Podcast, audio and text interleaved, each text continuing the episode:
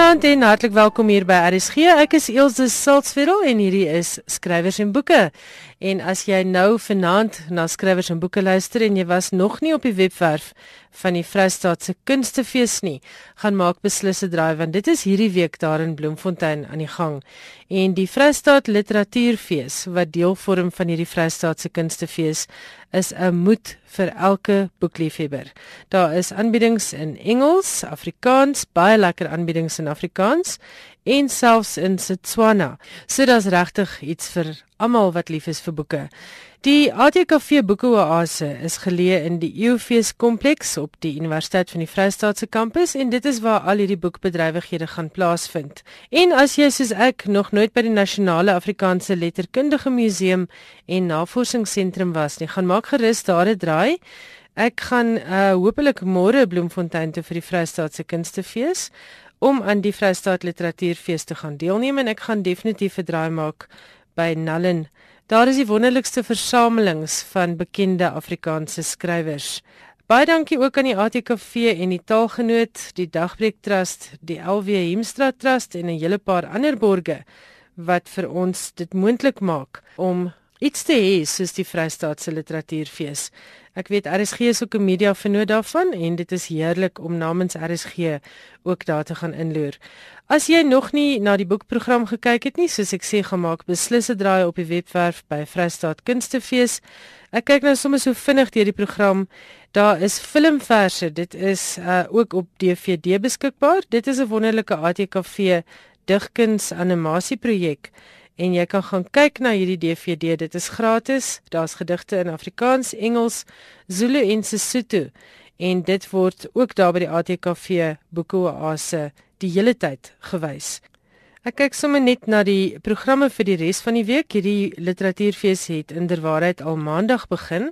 So daar's nou 'n hele klompie dinge wat ons al misgeloop het, maar daar is nog heerlike dinge van môre af. Dit is nou van donderdag af. Kan jy onder meer gaan luister na die volgende skrywers? Geskiedenisliefhebbers moet seker maak dat hulle die gesprek bywoon van Henny van Vuren. Bill Nasson en Ruda Landman, hulle gesels oor wat leer die geskiedenis ons. Dit is môreoggend 9uur daar by die ATKV Boekoase. Daniel Hugo, Rob van der Veer, Willem Anker en Alfred Schaffer gesels môre middag om 13:30. Dit is donderdag 13:30 by die ATKV Boekoase oor die wisselwerking tussen Afrikaans en Nederlands. Dit behoort 'n baie interessante gesprek te wees. Dan gesels Daniel Hugo ook met ons eie Johan Meiburg oor sy digbundel Die Uittogboek. Hierdie gesprek is môre middag om 05:30 daar by die ATKV Boekoase. Daar is 'n gesprek as deel van die hulde aan helde. Chris Swanepoel, Lemakatsu Chaka en Auntie Krog gesels oor die skryfwerk Die Profesie, Elegie en Prysliedere van Thomas Mofolo, se klassieke roman Chaka. En Vrydagoggend gesels Leon van der Hoop, François Smit, die skrywer van Kampoer, Jaco Jacobs, die bekende kinderboekskrywer en Anthea van Jaarsveld oor hoe hulle boeke van boek tot silwerdoek geneem is. Dit is Vrydag 0.30 daar by die ATKV Boekoase. Daar's allerlei dinge op hierdie boekprogram van handwerkdemonstrasies met handwerkboeke tot 'n baie interessante gesprek Vrydag 12:00 met die titel Bringing Our History Home. Fred Kumalo praat daarin en Willem Anker en François Smit neem ook deel aan hierdie gesprek. Fred Kumalo praat natuurlik oor sy geskiedkundige boek Dancing the Death Drill. Johan van Wyk en Gert Kutse gaan gesels oor Johan van Wyk se heerlike bundel rubrieke. So is dit nou. Dit is Vrydag 21 Julie om 12:30 ook by die ATKV Boeke Oase. Nou ja, ek weet nie watter een ek hier gaan kies nie, want die twee tantes van die Kaapse vlakte, Kulsum Kamali en Florie Skrikker is terselfdertyd ook half 2 Vrydagmiddag by die ATKV Boekoase te sien en hulle gaan praat oor hulle liefde vir Afrikaans en natuurlik oor kos. Rudy van Rensburg, Irma Venter, Dwayne Aslet en Gert Kutse gesels Vrydagmiddag half 5 oor spanningsverhale. Kleinboer word in oënskou geneem by die Filmstudio. Dit is half 6 Vrydagmiddag. Daar gaan 'n premier wees van die dokumentêr wat Kleinboer se lewe en werk uitbeeld en dit is gemaak deur Neil van Deventer en Charlene Brouwer. Daar's ook 'n gesprek oor Dot Serfontein oor haar lewe in die reeks Hulde aan Helde en dit vind plaas by Nallen Vrydagmiddag 6uur. Kobus Galloway gesels met Melt Meiburg oor sy boek 'n wolf in skaapklere en ander Afrikaanse idiome. Nou dit is natuurlik die skepper van Idees vol Vrees, Kobus Galloway. En hierdie boek bevat 150 geïllustreerde idiome, elkeen met 'n grappige volblad spotprent. So gaan maak gerus 'n draai by daardie gesprek. Dit is Saterdagoggend 11:30 by die ATKV Boekoase. Die toorkrag van die liefde kom onder die loop in my gesprek met Dina Botha en Sofia Kap. Dit is 12uur Saterdag by die ATKV Boekoase daar by die Vrystaatse Literatuurfees. En dan Naomi Meyer gaan gesels met François Smit oor haar lekker Afrikaanse spanningsroman wat die grense so bietjie verskuif het in hierdie genre Dit is Saterdagmiddag 3uur by die ATKV Boekoase. So 'n heerlike aanbod van Afrikaanse letterkunde, letterlik van ontspanningsfiksie tot by misdaadromans en ernstige letterkunde wat te sien en te hoor is daar by die ATKV Boekoase hierdie week tydens die Vrystaat Literatuurfees as deel van die Vrystaatse Kunstefees. Nou iets heerliks lig en baie anders. Dit is Lloyd Zandberg se boek ek weet nie regtig hoe om hierdie te beskryf nie, rubrieke, verhale, sketse, satiriese episodes. Dit is hoe ek Lloyd Zandberg se skryfwerk sal opsom.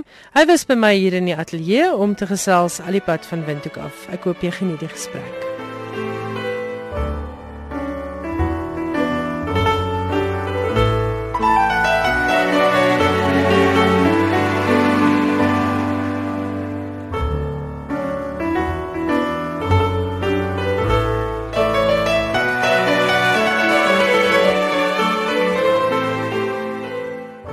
Die dag 16 word en ek vir die eerste keer besef dat ek nie eintlik vir hierdie planeet gemaak is nie, het ek vir 'n week aaneen gehuil.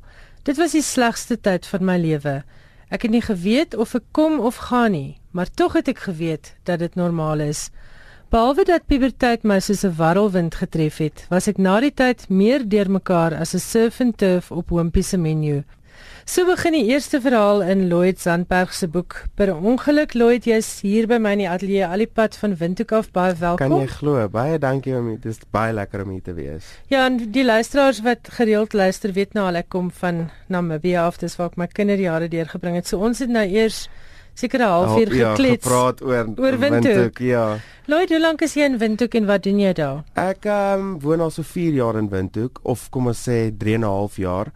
Um, en ek is die redakteur van 'n uh, kuns en vermaaklikheidsbylaag in die Republikein wat die hoof Afrikaanse koerant in Namibië is. En jy is daar gebore? Ja, ek het in Windhoek gewoon tot en met so 3 jaar oud.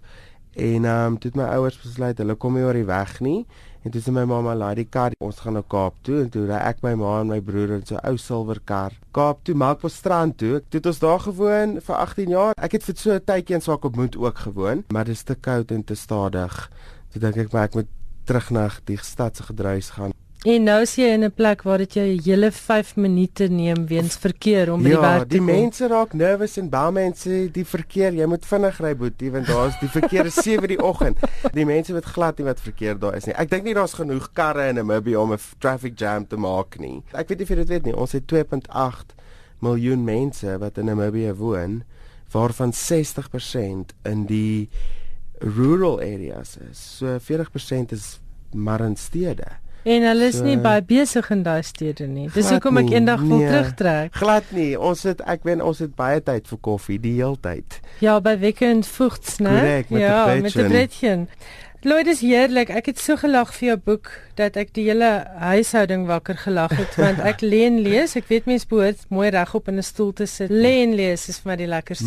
En toe ek nou die aand jou boek laat ja. aand optel en begin lees, het ek vir die eerste keer in 'n baie lang tyd ja. in Afrikaans net lekker hardop en onbevange gelag. So baie dankie. Waar kom jou stories vandaan? Want as mens met jou gesels dan ja. hoor jy ook sommer jy 'n storie vertel. Ja, ek skryf stories in my brein voordat ek dit op papier of op 'n rekenaar sit. Ek kyk na mense, situasies, reuke, smake en dan dink ek hier's iets wat ek vir mense wil vertel van hierdie persoon of wat ek ervaar of wat ek sien. So ek lank voordat ek die storie in 'n boekformaat of dan nou op 'n rekenaar sit, het ek hom in my kop geskryf. Ek sal byvoorbeeld soos ek nou hier sit en praat met jou, dink ek ek skryf reeds 'n storie aan ons ervaring oor Namibië wat ek dan doen is dan sal ek toevallig as ek in my kar sit en iemand bedel by my ry, sien my het 'n goue ring aan en dink ek hierdie is 'n stukkie wat ek by daai storie kan insit. So my inspirasie put ek maar uit alles wat ek sien en wat ek doen en wat ek is, is ek vertel. Ek verwys ook na my boek as fases in my lewe waardeur ek gegaan het en steeds gaan, en dan maak ek dit 'n klein storie. Maar daar's 'n lekker groot stuk verbeelding ook by, né? Daar's 'n bietjie fantasie. Def, o, verseker, ja. Ek moet sê ek put ook uit ander skrywers se werk uit. Soos ek sê in daai eerste sin, ek dink nie ek's vir die planeet gebore nie. Hmm. En wat ek daarmee bedoel is is ek ek hou van ander se dinge. Ek kan nie net 'n glas wyn drink nie, daar moet 'n storie wees. Iemand moet dit met wie dit met my drink, watter wyn dit is, waar het ons die wyn gekry. So ek dink ek is baie keer te intens hmm. vir hierdie wêreld want ek is ongoddelik sentimenteel en ek wil net alles vasvang en ek dink my fantasie kom daaruit dat ek dis al hoe ek dit kan uitkry is deur middel van bietjie fantasie in my skryfwerk in te werk. Jou eerste storie oor Minnie die huiswerker en ja. jou grootword jare was pragtig. Dit Ja, dis dis, dis baie sentimenteel en ek dink daai storie is heel moontlik die naaste aan realiteit of dan nou 'n werklike gebeurtenis ja. uit die hele boek.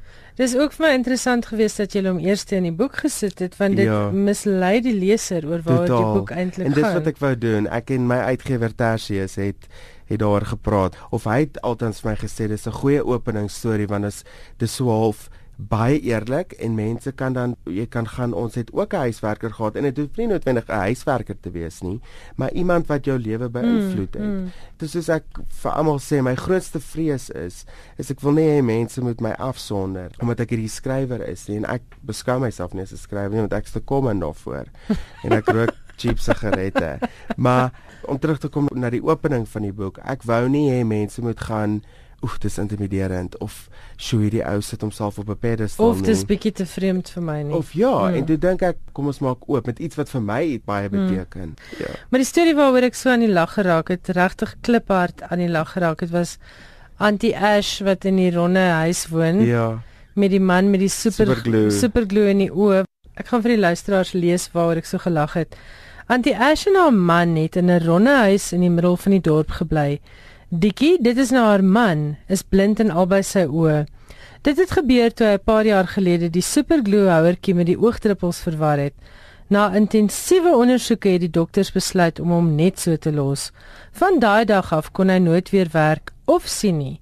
Met die insurance geld laat bou hulle toe die geel sirkelvormige huis sodat hy maklik kan rondbeweeg. Die huis lyk soos 'n proefbuis vol ammoniak. Die mynhuis het te veel gangetjies en draaie en Ash sê sy hou nie van daai blokkies houtvloere nie. Dit laat haar aan 'n Sudoku dink en sy weet nie hoe dit werk nie. En Dikkie is klare handvol. Sy het nie nog tyd en krag vir onnodige vloere nie. weet jy iets in jou storie vertel laat my dink aan Nathaniel, maar iets anders laat my dink ja. aan Jan Spies. Ja. En daar's 'n bietjie PG Du Plessis in. Correct. Waar het hierdie sin vir humor en hierdie skerp waarnemingsvermoë vandaan gekom en en lees jy ander skrywers vir invloede? Ek doen. Ek vertel ook vir almal ek is nie taalkundig baie opgevoed nie. Ek meen ek kan 'n paar woorde spel, maar dit is omtrent dit. As ek byvoorbeeld skryf, dan check ek nooit vir spelfoute nie want ek weet ek gaan dit later kan doen. Lees vir my in die begin was baie intimiderend want as ek 'n boek oopmaak en ek kan in die eerste sin nie twee woorde van daai sin verstaan nie, dan raak ek nervus en dan drink ek wyn en dan begin ek oor.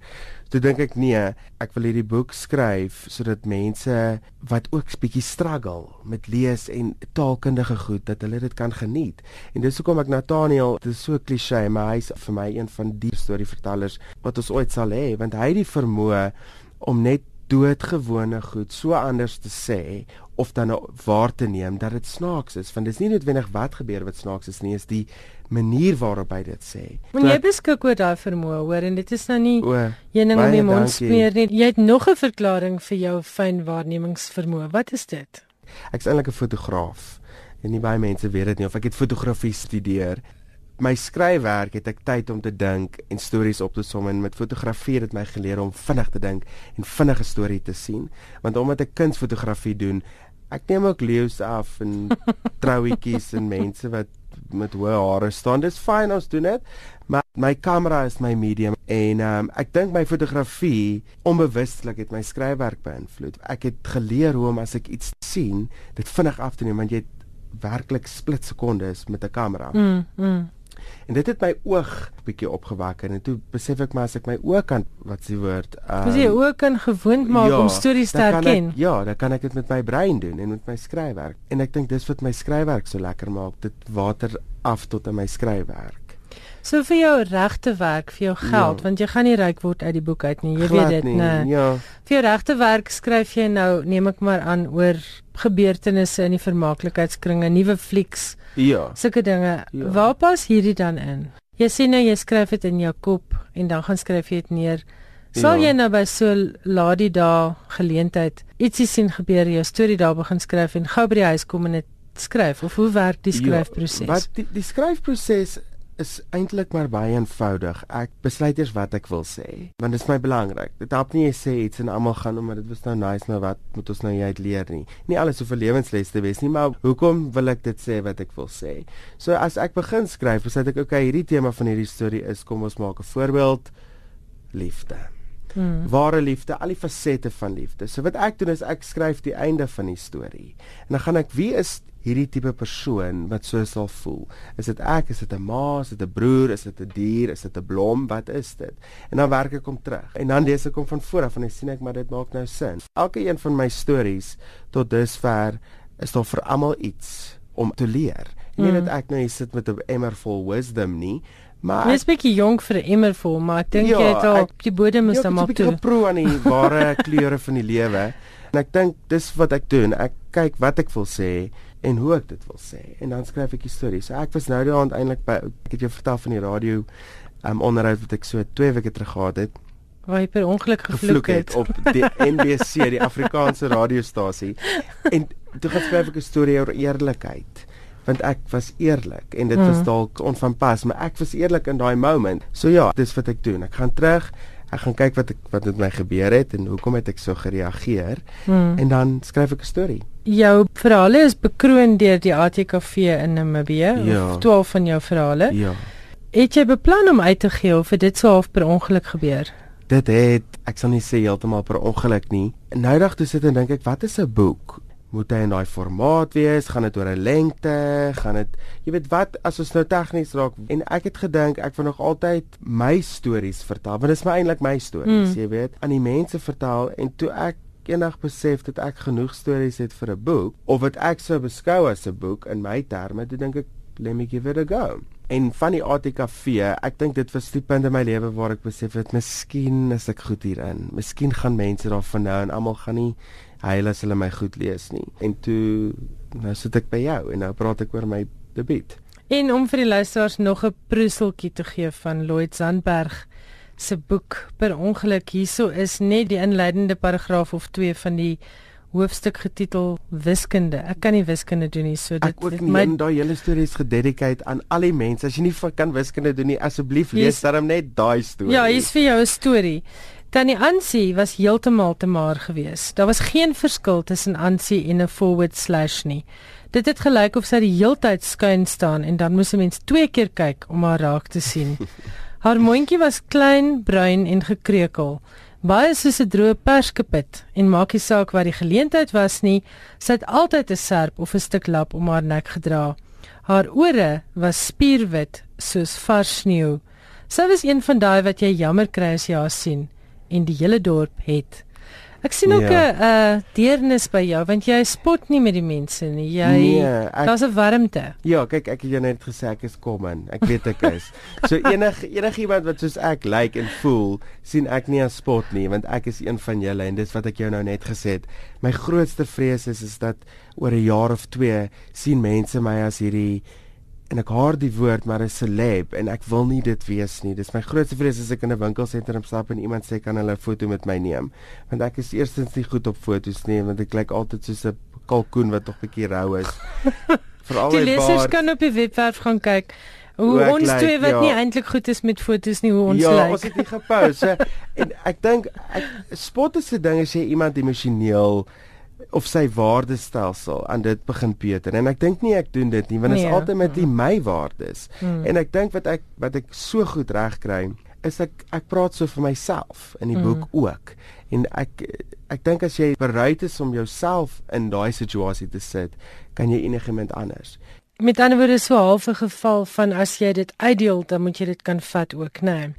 PG Du Plessis is onlangs oorlede, soos jy seker weet, en toe het ek met sy goeie vriend Hans Du Plessis gesels. En ek dink die ding wat vir PG laat vassteek het in ons almal se koppe is die feit dat hy nooit neergesien het op mense nie.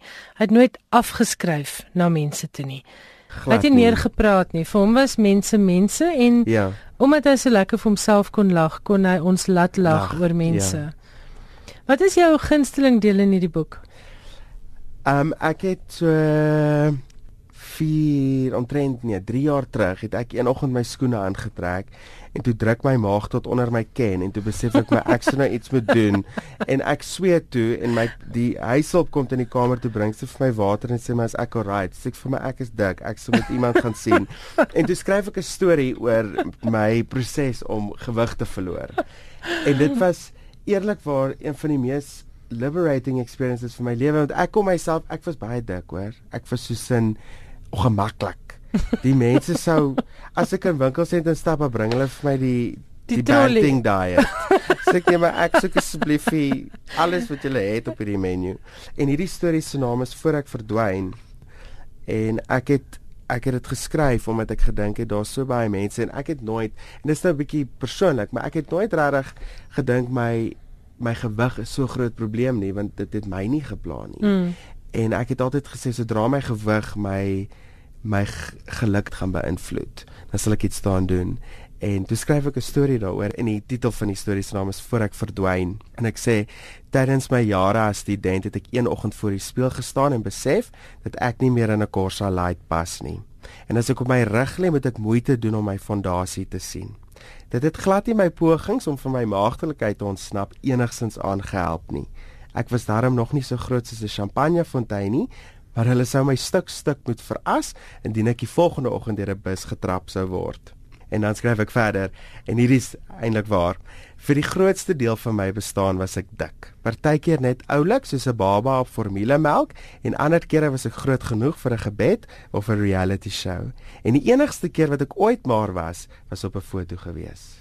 En dit is Lloyd Sandberg se resep.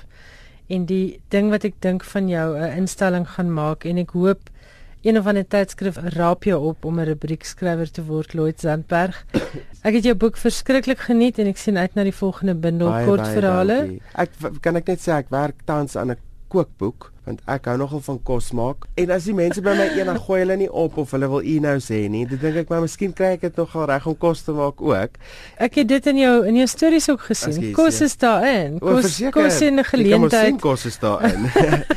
en ehm um, so ek skryf tans aan dit en dit gaan eintlik maar hoe ek geleer kook het wees maar met resepte en wie my geïnspireer het om te begin kook want kos is ek wil die hele tyd net almal vermaak en ek is baie ekspressief en kos is een van dit. En jy wil almal voer want voer is ook liefde nê dit is samesyn en so baie van ons Afrikaanse tradisies oor is 'n groot deel van ons op saam ja, eet. Ek het eendag by mense gekuier toe maak ek tannie soetpampoen maar dit was nie 'n AMC klassiek nie Toe skel die hele familie vir uit want sy moet daai pot gebruik vir daai soetpampoen.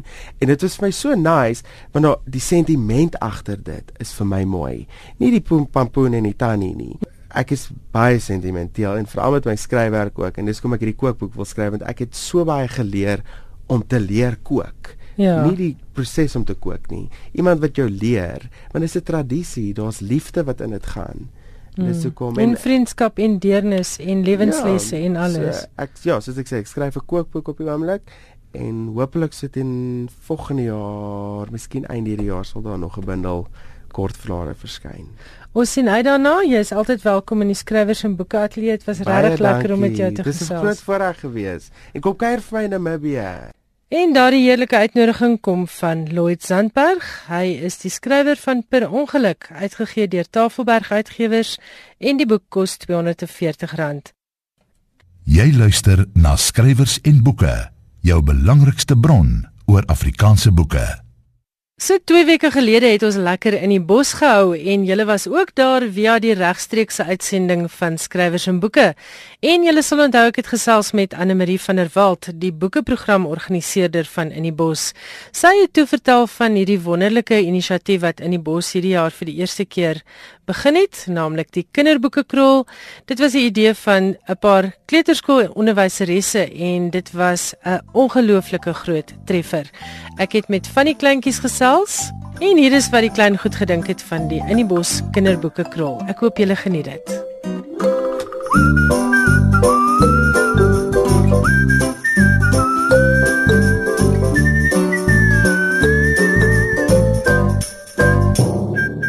Waarvan het jy gehou? Weer. Ek het van die paare teen gehou. En wat het julle gedink van hierdie hele lekker affære met al die stories? Ek weet nog nie. En jy Boeta? Ehm um, Was dit lekker? ja. Gaan julle weer kom? Ja. Ek het van die hase gehou. En julle drie hasies, wat het julle vandag gedoen? Ons het gespring op die bed. Watter storie was julle? Ons was by hospitalies. En vertel vir my van die stories. Is julle lesers? Ja, ek hou verskriklik baie van lees. Wat is jou naam? Karla. Carla en jy?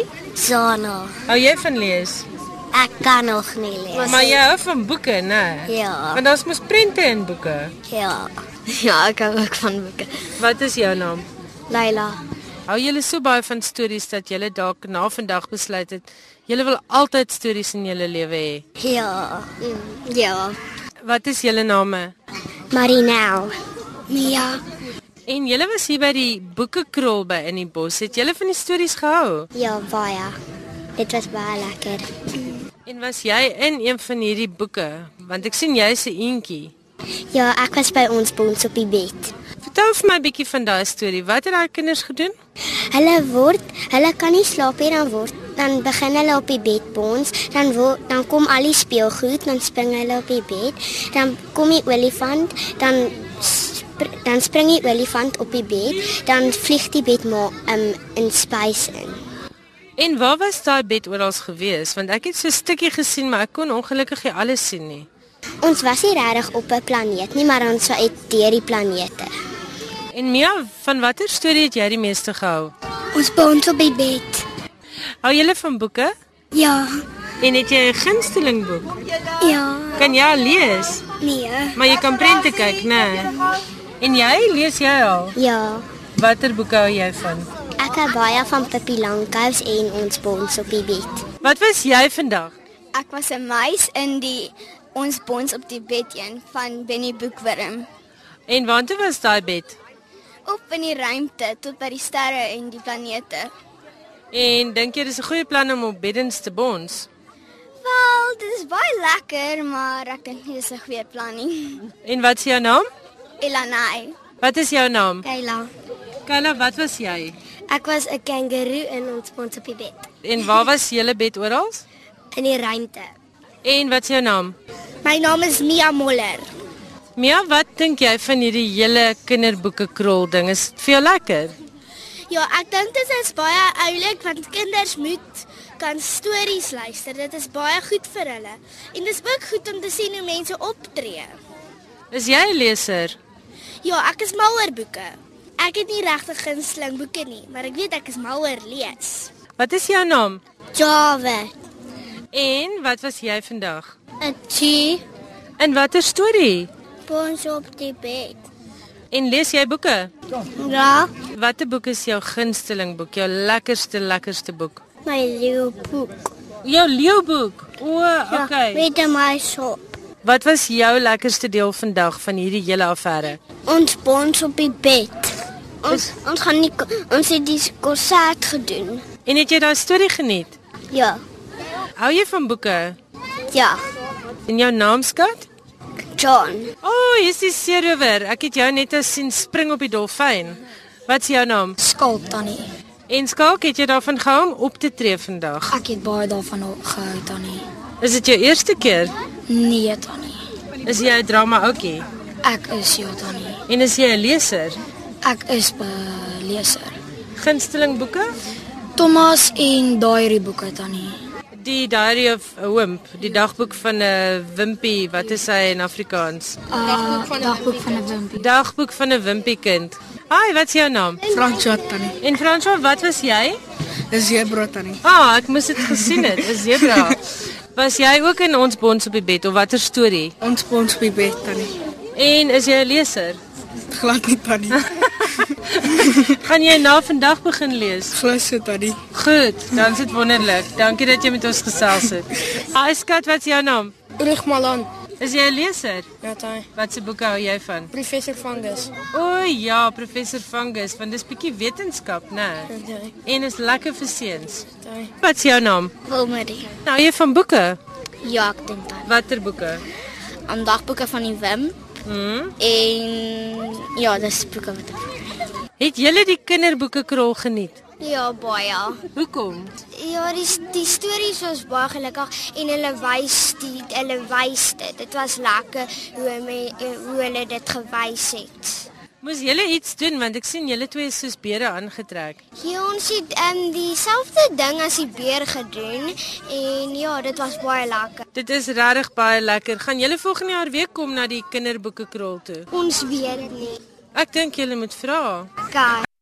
Nou ja, my gunsteling was die ou seentjie wat vir my gesê het hy weet nog nie wat hy hiervan moet dink nie. Ek dink hy was so oorweldig deur al die kleur en al die beweging en al die lekker stories dat hy regtig nog net nie woorde gehad het nie. Baie geluk aan in die bos met hierdie wonderlike kinderboeke krol inisiatief. As jy wil weet hoe dit daar gelyk het, gaan kyk na die video wat ek en Pieter Kloete gemaak het vir afrikaans.com. Ek het ook 'n klompie fotos geneem en dit saam met die afrikaans.com skakel op www.rsg.co.za gedeel. So gemaak gerus daar 'n draai en kyk hoe heerlik was dit. En ander kunstefeeste, julle moet asseblief na hierdie idee kyk, gemeenskapsfeeste, plattelandse dorpskoue, wat ook al, gaan kyk na hierdie fantastiese plan En ek gesels ook in die video met die twee kleuterskoolonderwyseresse wie se idee hierdie was. Dit is regtig iets wat die kinders goed besig hou. Dit vermaak hulle en die belangrikste van alles dit maak van hulle lesers. Baie geluk aan in die bos se kinderboeke krol met hierdie fantastiese inisiatief. En baie dankie Pieter Kloete van afrikaans.com dat jy ook hierdie klankmateriaal met my gedeel het en natuurlik vir die pragtige video. Skrywers en boeke elke woensdag aand tussen 8 en 9.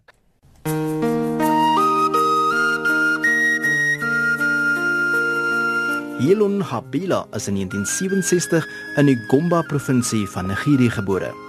Hy het Engelse letterkunde aan die plaaslike universiteit van Jos gestudeer en later ook in Brittanje sy studies gaan voortsit. Hy het talle beurse en pryse losgeskryf, onder andere die gesogte Chinua Achebe toekenning vir uitmuntende en belovende skryfwerk. Elon Habila fokus baie sterk op die tema van eensaamheid asook alleenheid. In 'n onderhoud erken hy dat hy dikwels as die buitestander van sy familie beskou was en die enigste een is wat nie sy moedertaal vlot kan praat nie.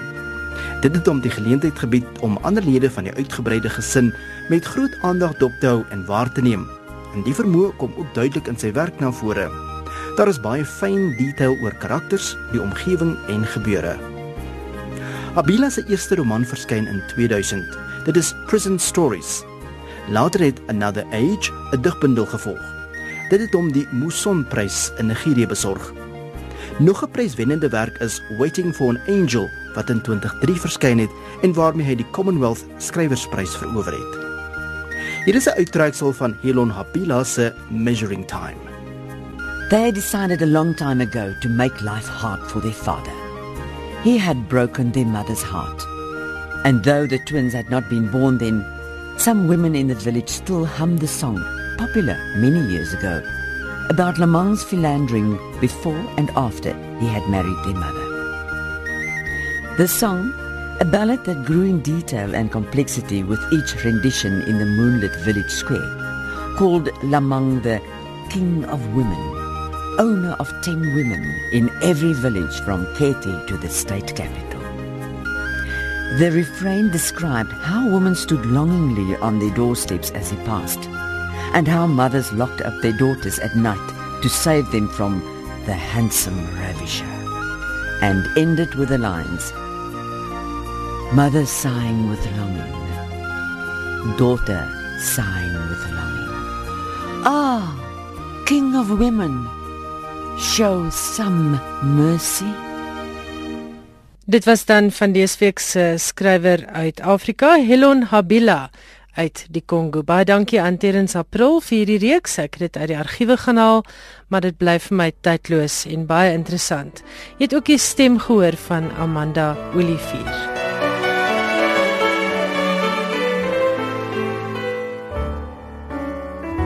Nou ja, hierdie tyd van die aand is dit ouer gewoonte tyd vir Johan Meiburg. Johan, jy gesels vanaand oor iemand wat ek al die tyd gedog het 'n kinderboekskrywer is. Wel, ek het ook gedink hy's 'n kinderboekskrywer totdat ek homself hoor sê het hy is eintlik nie 'n kinderboekskrywer nie, maar maar mens kan dalk met hom stry daaroor. Ja, verduidelik nou, vir ons hierdie teenstrydigheid. Want regtig waar toe ek sy naam op jou lysie sien, toe dink ek dadelik aan sy kinderverhaal. Dis Maurice Sendak, die Amerikaanse skrywer illustreerder wat bekend is vir Where the Wild Things Are. Nou, van hom het daar nou 5 jaar na sy dood 'n ongepubliseerde manuskrip met tekeninge in Connecticut aan die lig gekom. Sendak word alerweeg gereken as een van die toonaangewendste illustreerders van die afgelope 50 jaar. Hoewel hy dan nou volhou, hy het nooit 'n kinderboek geskrywe nie. Die manuskrip is opgespoor deur Lynn Caponera, 'n lewenslange vriendin van Sendak en deesdae president van die Morris Sendak Stichting. Die manuskrip, getiteld Presto and Zesto in Limboland, is geskryf in medewerking met Arthur Yorricks, die man saam met wie Sendak ook gewerk het aan The Miami Giant van 1955 en Mommy van 2006. Die publikasiedatum is vasgestel vir die noordelike herfs volgende jaar. Presto and Zesto in Limboland is in 1990 geskryf ter illustrasie van 'n aanbieding van die Londense Simfonieorkes se uitvoering van Leos Janáček se Rikalda, 'n toonsetting van Tsjechiese kinderrympies wat van 1927 dateer. Moeite met die vertaling van die Tsjechies het werk aan die boek aanvanklik in die wiele gery. Die illustrasies het 7 jaar later weer na vore gekom toe die violis Midori dit wou gebruik tydens 'n geldinsamelingsgeleentheid. Sendak en Jorik het toe weer begin werk aan die narratief vir die 10 tekeninge En dis toe dat hulle die byname wat hulle vir mekaar gegee het, Presto en Zesto, ingespan het.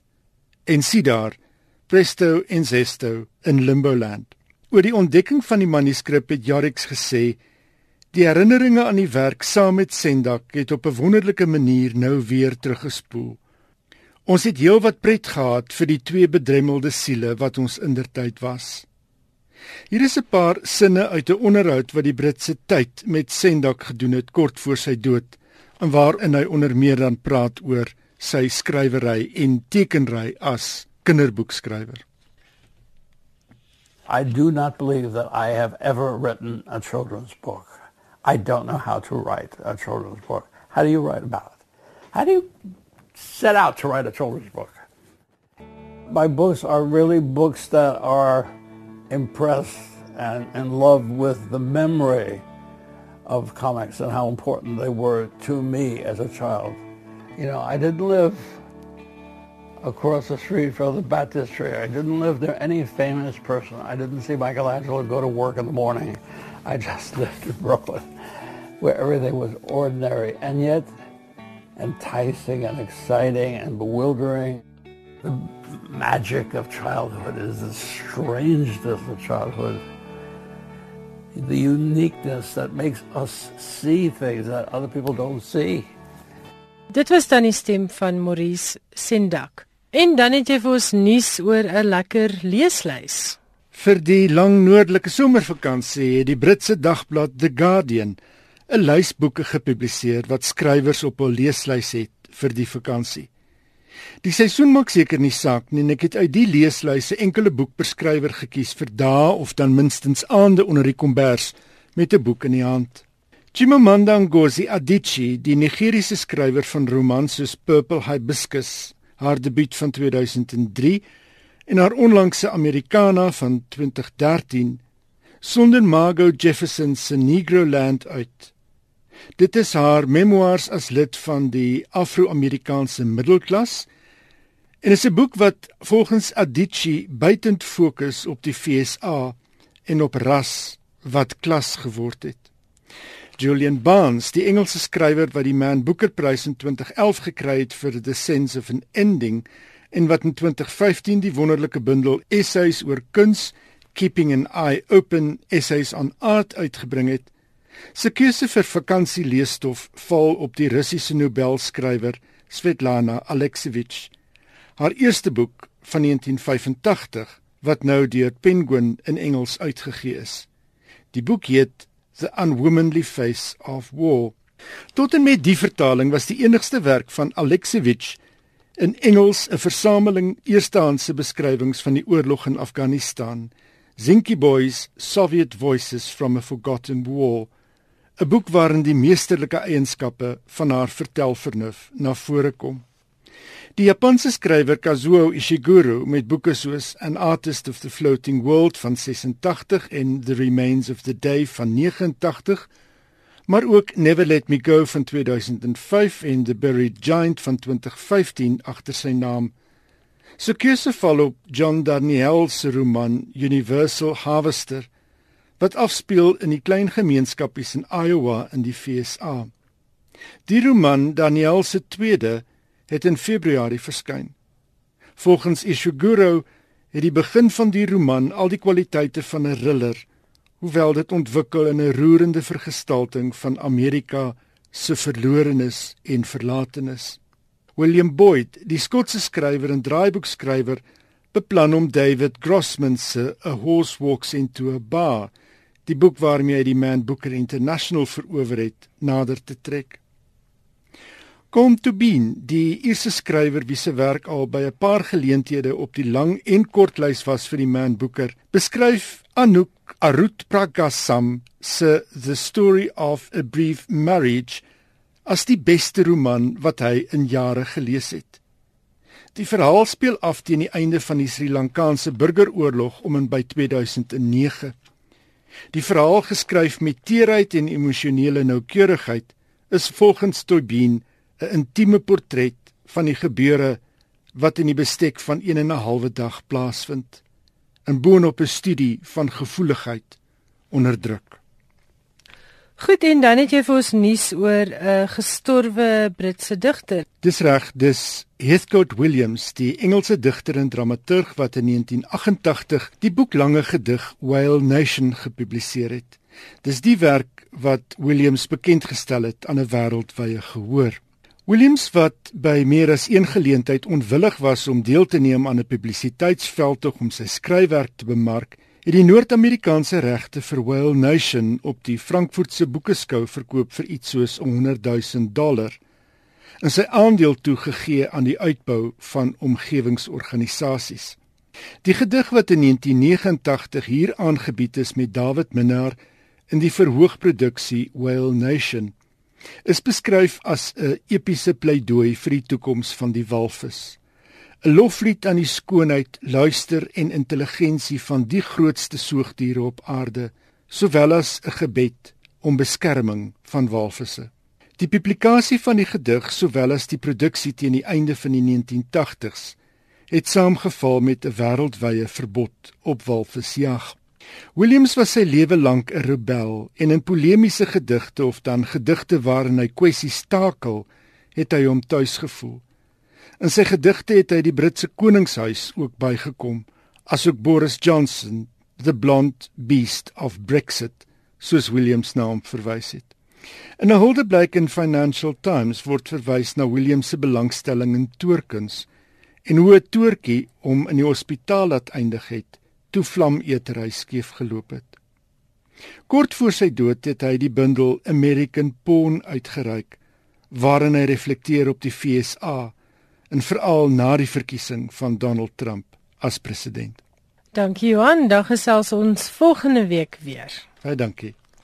Daarmee het ons aan die einde gekom van se skrywers en boeke. Die SMS-lyn se nommer is 45770 en elke SMS kos R1. En my e-posadres is skrywers en boeke by rsg.co.za. En net so 'n paar reeltjies gou-gou weer. Ek kan ongelukkig nie vir jou help om jou ongepubliseerde boek gepubliseer te kry nie. Ek doen net letterkunde, so dit help nie om vir my selfhelpboeke en resepteboeke te stuur vir beoordeling nie. En ek werk ook net met boeke wat deur die volledige publikasie proses is. Met ander woorde, wat uitgegee is deur 'n erkende uitgewer waar daar darm so bietjie geskaaf is aan die boek waar dinge so spelling reggemaak is en storielyne en dinge bekyk is en ek kan ongelukkig nie persoonlike kommentaar gee op manuskripte wat vir my gestuur word nie. Daar is dood eenvoudig nie tyd daarvoor nie. Baie dankie dat julle verstaan. Baie dankie dat julle elke Woensdag aan saamluister. Volgende Woensdag aand is ek terug met nog 'n skrywers en boeke. En tot dan geniet die laaste week van die wintervakansie en ek hoop jy het heerlike leesgoed as jy gelukkig genoeg is om 'n bietjie vakansie te hou. Tot ons weer gesels. Totsiens.